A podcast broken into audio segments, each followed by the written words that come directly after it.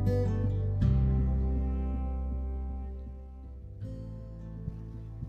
teman-teman, selamat pagi, siang, dan malam buat teman-teman yang sudah mendengarkan. Terima kasih telah klik podcast Mau Cerita. Ceritaku, ceritamu, dan cerita kita semua. Gimana kabarnya nih pendengar setiap podcast Mau Cerita? Semoga orang podcast ini kita bisa jadi teman dan juga jangan pernah bosan dengerin suara saya ya. Baiklah, di episode podcast kali ini saya mau cerita tentang perihal kehidupan manusia yang pastinya kita akan dipertemukan dengan namanya kegagalan. Di mana kegagalan gak akan pernah bisa kita hindari. Tiap orang pasti pernah merasakan namanya kegagalan. Bahkan saya pun merasakan gimana rasanya gagal berkali-kali. Dan dulu saya anggap kegagalan itu adalah sesuatu yang horor, mengerikan, di mana orang-orang yang gak beruntung mendapatkannya. Tapi sekarang saya udah punya pandangan baru bahwa gagal itu bukan sesuatu yang horor kok. Tapi, gagal itu adalah sebuah proses untuk menemukan sukses yang sebenarnya. Saya percaya itu sekarang karena banyak orang sukses sekarang yang sudah berkali-kali merasakan yang namanya kegagalan. Kegagalan itu sebagai awal menuju kesuksesan. Jadi, itu sifatnya sementara ya teman-teman, bukan selama-lamanya. Ingat itu.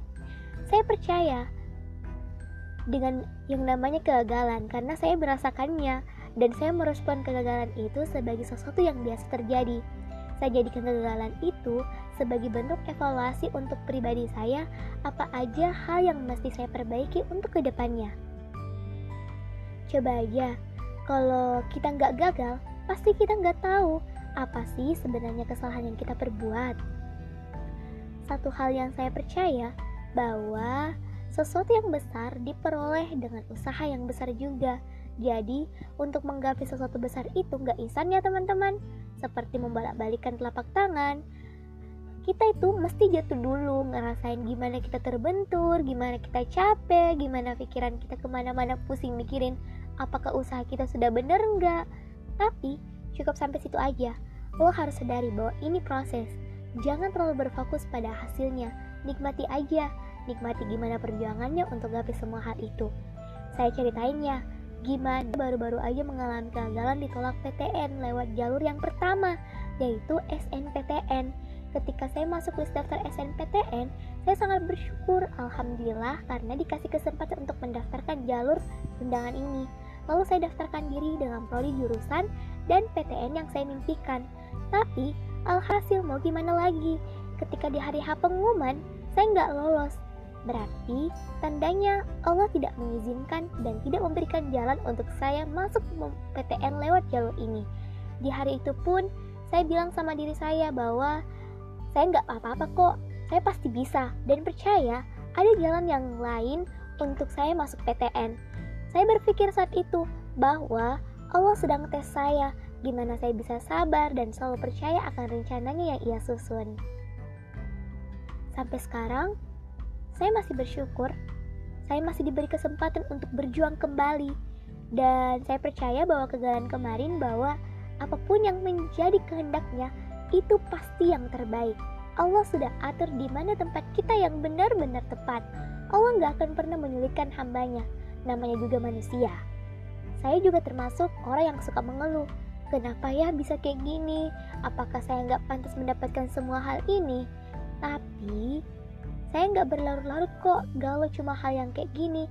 Saya bisa bangkit dan kembali berusaha keras dan berjuang kembali. Ketika saya mengeluh, saya kembali ingat bahwa banyak orang di luar sana ingin merasakan posisi saya sampai saat ini. Dan saya diajarkan untuk tetap selalu bersyukur walau dalam keadaan sesulit apa pun. Ingat juga ya, selalu ada orang baik kok dan lo nggak sendirian. Balik lagi nih, ketika mendaftarkan diri di jalur SNPTN, kegagalan pertama itu kembali terulang di kegagalan kedua ketika saya mendaftarkan diri di jalur SPAN PTKIN yang merupakan jalur undangan Universitas Islam Negeri. Kedua jalur ini mengandalkan nilai rapor selama saya SMA.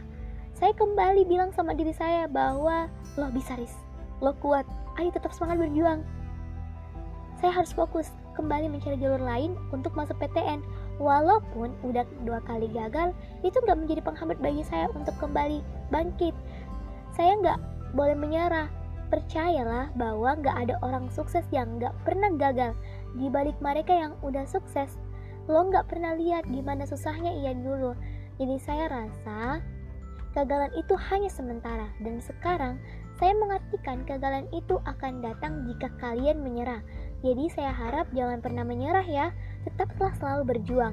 Gak perlu kok dihitung udah berapa kali gagal, cukup lo harus fokus sudah berapa sering lo untuk berani mencoba kembali. Jangan stuck di tengah jalan, jangan merasa apa yang lo lakukan saat itu sia-sia. Lo harus percaya sama diri lo dulu. Kadang ketika kita mengalami kegagalan, kita merasa ada kehilangan harapan, tapi perihal yang bisa kontrol ya diri kita sendiri. Kalau kita merasa gak ada harapan, gimana kalian mau kembali berani melangkah? Jadi, saya harap sama lo mendengarkan dan juga untuk diri saya sendiri, jangan pernah kehilangan harapan sedikit apa pun itu. Lo pasti bisa melewati semua ini dan semua akan indah pada waktunya.